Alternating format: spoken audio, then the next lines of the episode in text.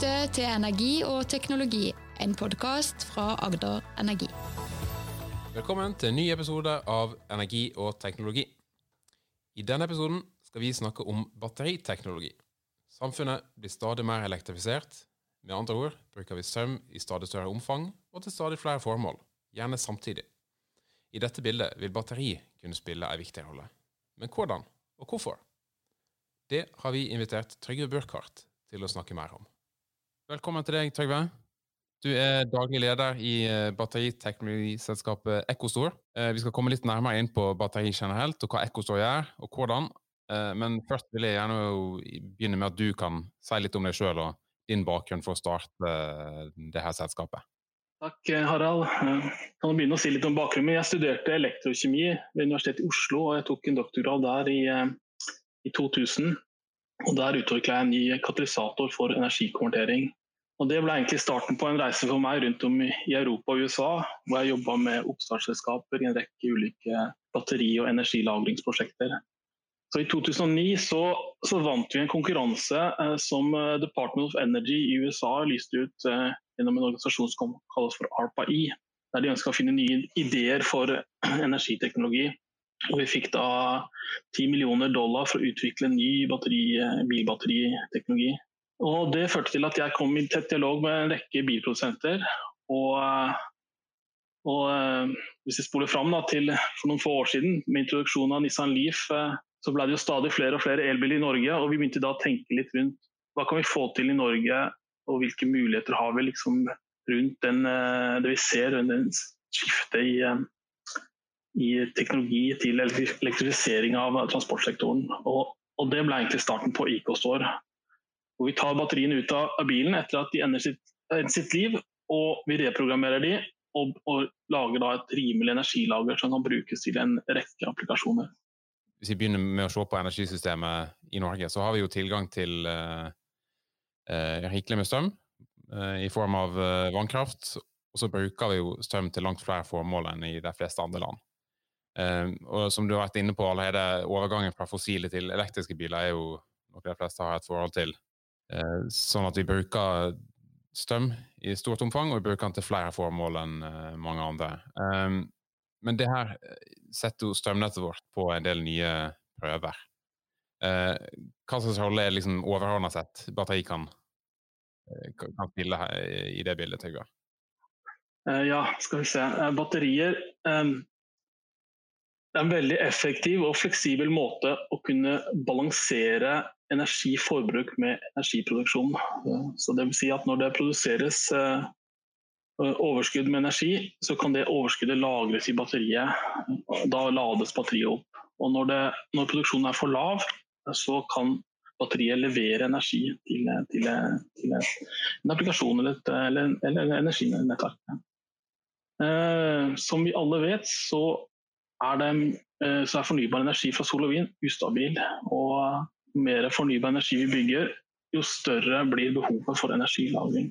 Eh, en annen viktig bruk eh, for batterier, eh, spesielt for batterier, er relatert til responstid. Vil si at batteriet har en helt unik egenskap til å kunne levere energi og ta imot energi veldig veldig raskt. I løpet av noen få millisekunder kan batteriet gå fra å lades ut til å lades opp. Og Det gir muligheter for batterier til f.eks. frekvensregulering av distribusjons- eller transmisjonsnettet. Si at du kan, veldig veldig raskt uh, regulere frekvensen. En annen rolle som man kanskje kan nevne er, er relatert til hurtiglading av elbiler. Det blir, det blir jo stadig, stadig, flere elbiler, og det gir jo lange ladekøer, uh, som vi ser i media. Og, og det er et behov for flere hurtigladestasjoner.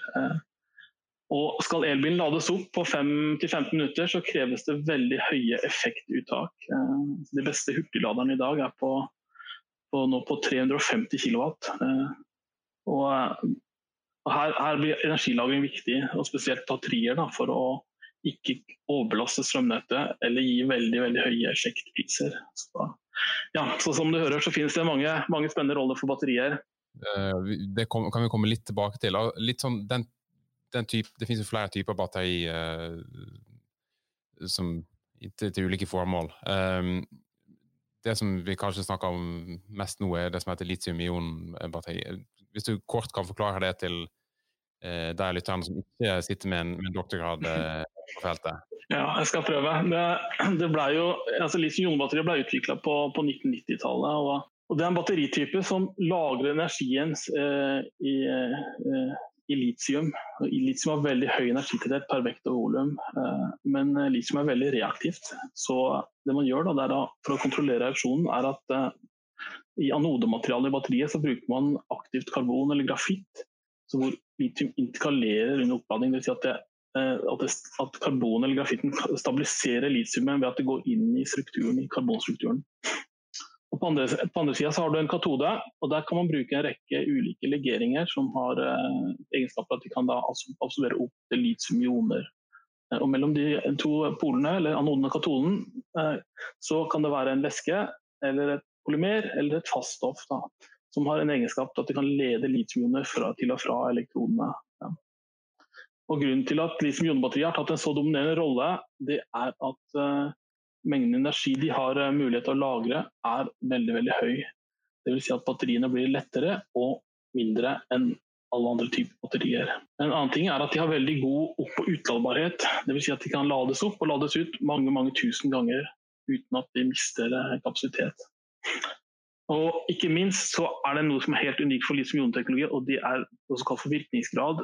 Og den er på 7-98% Og Virkningsgrad betyr at når du tar ut energi fra batteriet og tar eh, inn energi inn i batteriet, så, og du lader det opp og ut, så skjer det på et litium-ionbatteri nesten uten varmetap. Det vil si at all energien konverteres fra elektrisk energi til kjemisk energi og tilbake igjen til elektrisk energi.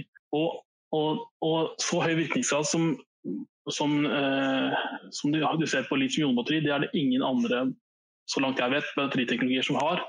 Vanlige andre typer batterier så ligger den på 60-80 Det vil du produserer ganske mye varme da, når du lader opp og ut batteriene. Og det er, eh, det er eh, viktig både med tanke på eh, energiregnskap, men også med tanke på, på hvordan man bygger større energilagringssystemer med, med termisk um, balanse osv.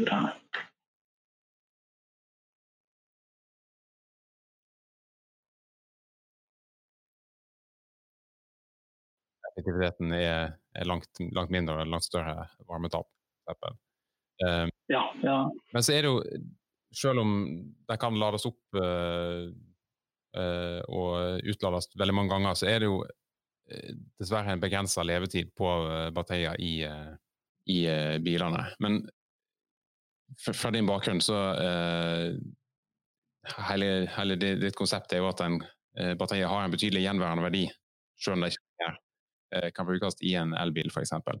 Hva, hva, hva består den verdien i? Når, eh, når du bruker batteriet i en elbil, så, eh, er, eh, så, kreves det både at, at du gir elbilen kjørelengde, men det kreves også veldig høyt effektuttak. Dvs. Si at, eh, at, at, at elbilen må kunne akselerere eh, raskt. Det vil si at du, du skal lade elbilen opp ved høye temperaturer, ved lave temperaturer. Noen ganger er det på vinterstid, minusgrader, noen ganger er det veldig varmt på sommeren.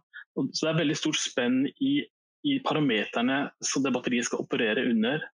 Så det vil si at, og, og det gir utslag på det skal på degraderingskurven. Det sier hvor, hvor, mye kapasitet du kan ta ut av, og inn av batteriet som en følge av hvor mange ganger du lader opp og ut. Og det er det vi ser at når vi tar så typisk når, når batteriet kommer ned under 70% så, så tas det ut av så tas det ut av eh, så byttes det ut fra elbilen. Og det vi ser da, Når vi tar det batteriet og bruker det i mer kontrollerte temperatursoner og mer kontrollerte forhold, så får, du, så, får bedre, så får, du, ut mye mer energi som ligger i batteriet, som du ikke har fått ut uh, fra det batteriet i elbilen. Mm. Og, det er at uh, du kan ta, ta det i bruk i, til, til, andre formål og i andre deler av uh, energisystemet. Ja. Mm. Um, og sånn, litt sånn Norge kontra andre land her. Eh, så er det vel litt sånn fordi vi har vår regulerbare vannkraft, så er det jo kanskje e, enda større behov for, uh, for den type altså fleksibilitet i andre land. Er ikke det riktig å si? Eh, jo, jeg tror at eh, vi har litt sånn unik situasjon i Norge så, som har så mye vannkraft. Da. Men, men, men vi, ser, vi, ser, at også her er det et stort behov for, og store muligheter for, for energilagring. Men jeg tror om det er stor, stor mulighet i Norge, så er den enda større i andre land i Europa. Og Tyskland f.eks. så så installerte de over en million solceller på takinstallasjoner i 2014. Det var vel eh, maksåret. Så der, er du kan bare tenke deg når du har så masse solcelleinstallasjoner hvor, eh, som, som, gir energi som er veldig ustabil, hvilket behov det blir da for, for lagring og kunne stabilisere energimottak og leveranse. For å komme litt inn på det som skjer når Eh, når en skal bruke batterier på nytt til, til dine formål, eller som, som i, i, dine konsepter. Det med gjenbruk er jo det er sånn sett veldig i, i tida, og mange tenker at det ville være positivt uansett. Men hvorfor er det spesielt viktig innen, innen, batteri, vil du si? Ja, jeg, tenker at, at skal hele transportsektoren benytte batterier så er gjenbruk og resirkulering helt nødvendig for, eh, for bærekraftig utvikling. Det er, det er, allerede nå store diskusjoner rundt tilgang på materialer. og Vi finner de, de største kildene til litium f.eks. De finnes i Tibet og Bolivia og, og, og land som er eh, Eh, med litt andre forhold enn, det vi er vant til her i Europa. Eh, kobolt eksempel, som er en viktig komponent eh, for metodematerialet, det, det, graves ut i hovedsakelig fra gruver i Kongo som er eid og kontrollert av kinesiske selskaper, og hvor vi ser eksempler på barnearbeid og andre negative ting. Så, og I dag så er da hovedsakelig all batteriproduksjon det, det skjer i Kina, Korea Japan. Og, og og for fremtidens bil så blir batteriet selve hjertet. Og, og skal vi ha skal vi beholde den industrien i Europa, så er det viktig, kjempeviktig at vi, at vi eh, tenker langsiktig. At vi bygger opp, uh, bygger opp batteriproduksjon her, og, og kompetanse her i Europa. Mm. Vi ser jo alle del planer om det.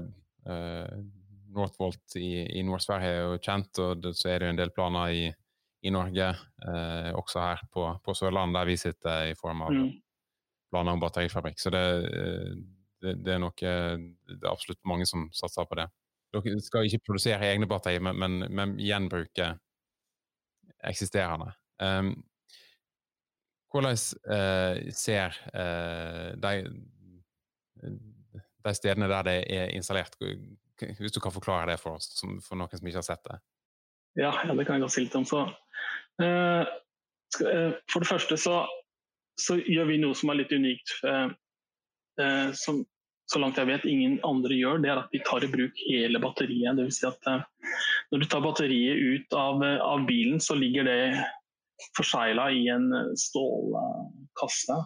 Og det vi gjør, er at vi, vi, utnytter hele batteriet. og Inni der ligger det en del elektronikk, og så ligger det en, eh, moduler som ser ut som stålkassetter hvor batteriene befinner seg inni. Uh, og Det de fleste andre gjør, konkurrenter, det gjør at de, opp, de åpner opp den batterikassa, tar ut de modulene, sorterer de og bygger de sammen da, med et nytt kontrollsystem. Uh, det Vi gjør er at vi reprogrammerer, vi går inn på det kontrollsystemet som kalles for BMS, som ligger på bilen. og Så reprogrammerer vi det kontrollsystemet og så kan vi bruke hele batteriet sånn som det kommer ut av bilen.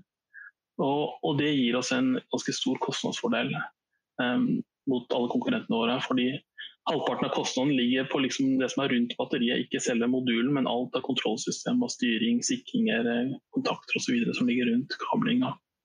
Og innpakning, sertifisering osv. Så, videre. så Så dermed så har vi et utgangspunkt som er ganske eh, eller som er veldig bra kostnadsmessig. Og så videre så tenker vi sånn at vi, vi bygger eh, modulbaserte systemer. Så, så, så, vi gjør at vi kan bruke batterien til en rekke ulike formål. Så for eksempel, Hvis vi tar et Nissan Leaf-batteri, når det kommer til, eh, tilbake fra, fra, elbilen, så eh, hvis vi tar generasjon 1, så er det 24 kWt, og det kommer tilbake, så er det rundt 15 kWt. Og Det passer veldig fint f.eks. et sånt batteri. å Plassere en bolig hvis du har sol på taket, så kan du bruke ett batteri til energilagring. Og, og som tar overskuddsstrøm fra, fra sol og, og, lagrer det. og Så kan du få strøm på kvelden og natta når ikke sola skinner. Eh, hvis du nå tar ti av de enhetene Eh, og, og ti av de modulene bygger sammen, så har du et veldig fint system, 150 kWt, til f.eks. en skole, eller, som vi gjorde i skipet i Bergen, hvor vi har nå installert eh, energilagringssystem der til, til et forretningsbygg. Tar du, tar du 40 sånne enheter, moduler, og plasserer det i en container, 40 fot container, så får du et 1 megawatt energilager. og Det kan være et system for eksempel, som kan sette og koble på distribusjonsnettet for eh, frekvensregulering. Og, og der, der, har vi nå, vi nå sett et sånt system på egne kraftstasjoner i oktober.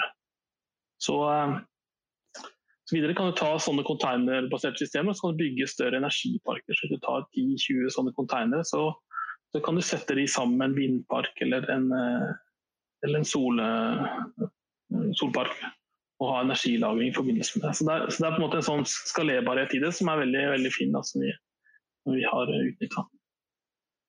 Mm, det er veldig spennende. Jeg ser uh, tida løper, løper fra oss. Det er masse spennende å snakke om Bataid. Det jeg tenkte jeg skulle bare det, veldig mange flere ting jeg kunne sagt, men er det en ting som jeg burde spurt deg om, og som Nei, det var, det var gode spørsmål. og uh, Jeg håper jeg kunne ha gitt en liten smakebit på hva vi jobber med. Og, men, eh, jeg tror vi står foran veldig spennende og en veldig spennende og utfordrende framtid. Ja. Det er veldig bra. Da sier jeg eh, takk for at du var med oss eh, i dag, Tøgve. Og takk eh, for at eh, lytterne har hørt på oss. Eh, hvis du likte det du hørte, så vil du gjerne, gjerne, at du forteller en venn eller en eh, kollega. Du finner våre podkaster alltid på ae.no podkast, eller så kan du abonnere der du vanligvis finner dine podkaster. Hvis du har tips eller kommentarer, så tar vi gjerne imot det på podkast.ae.no. Vi høres!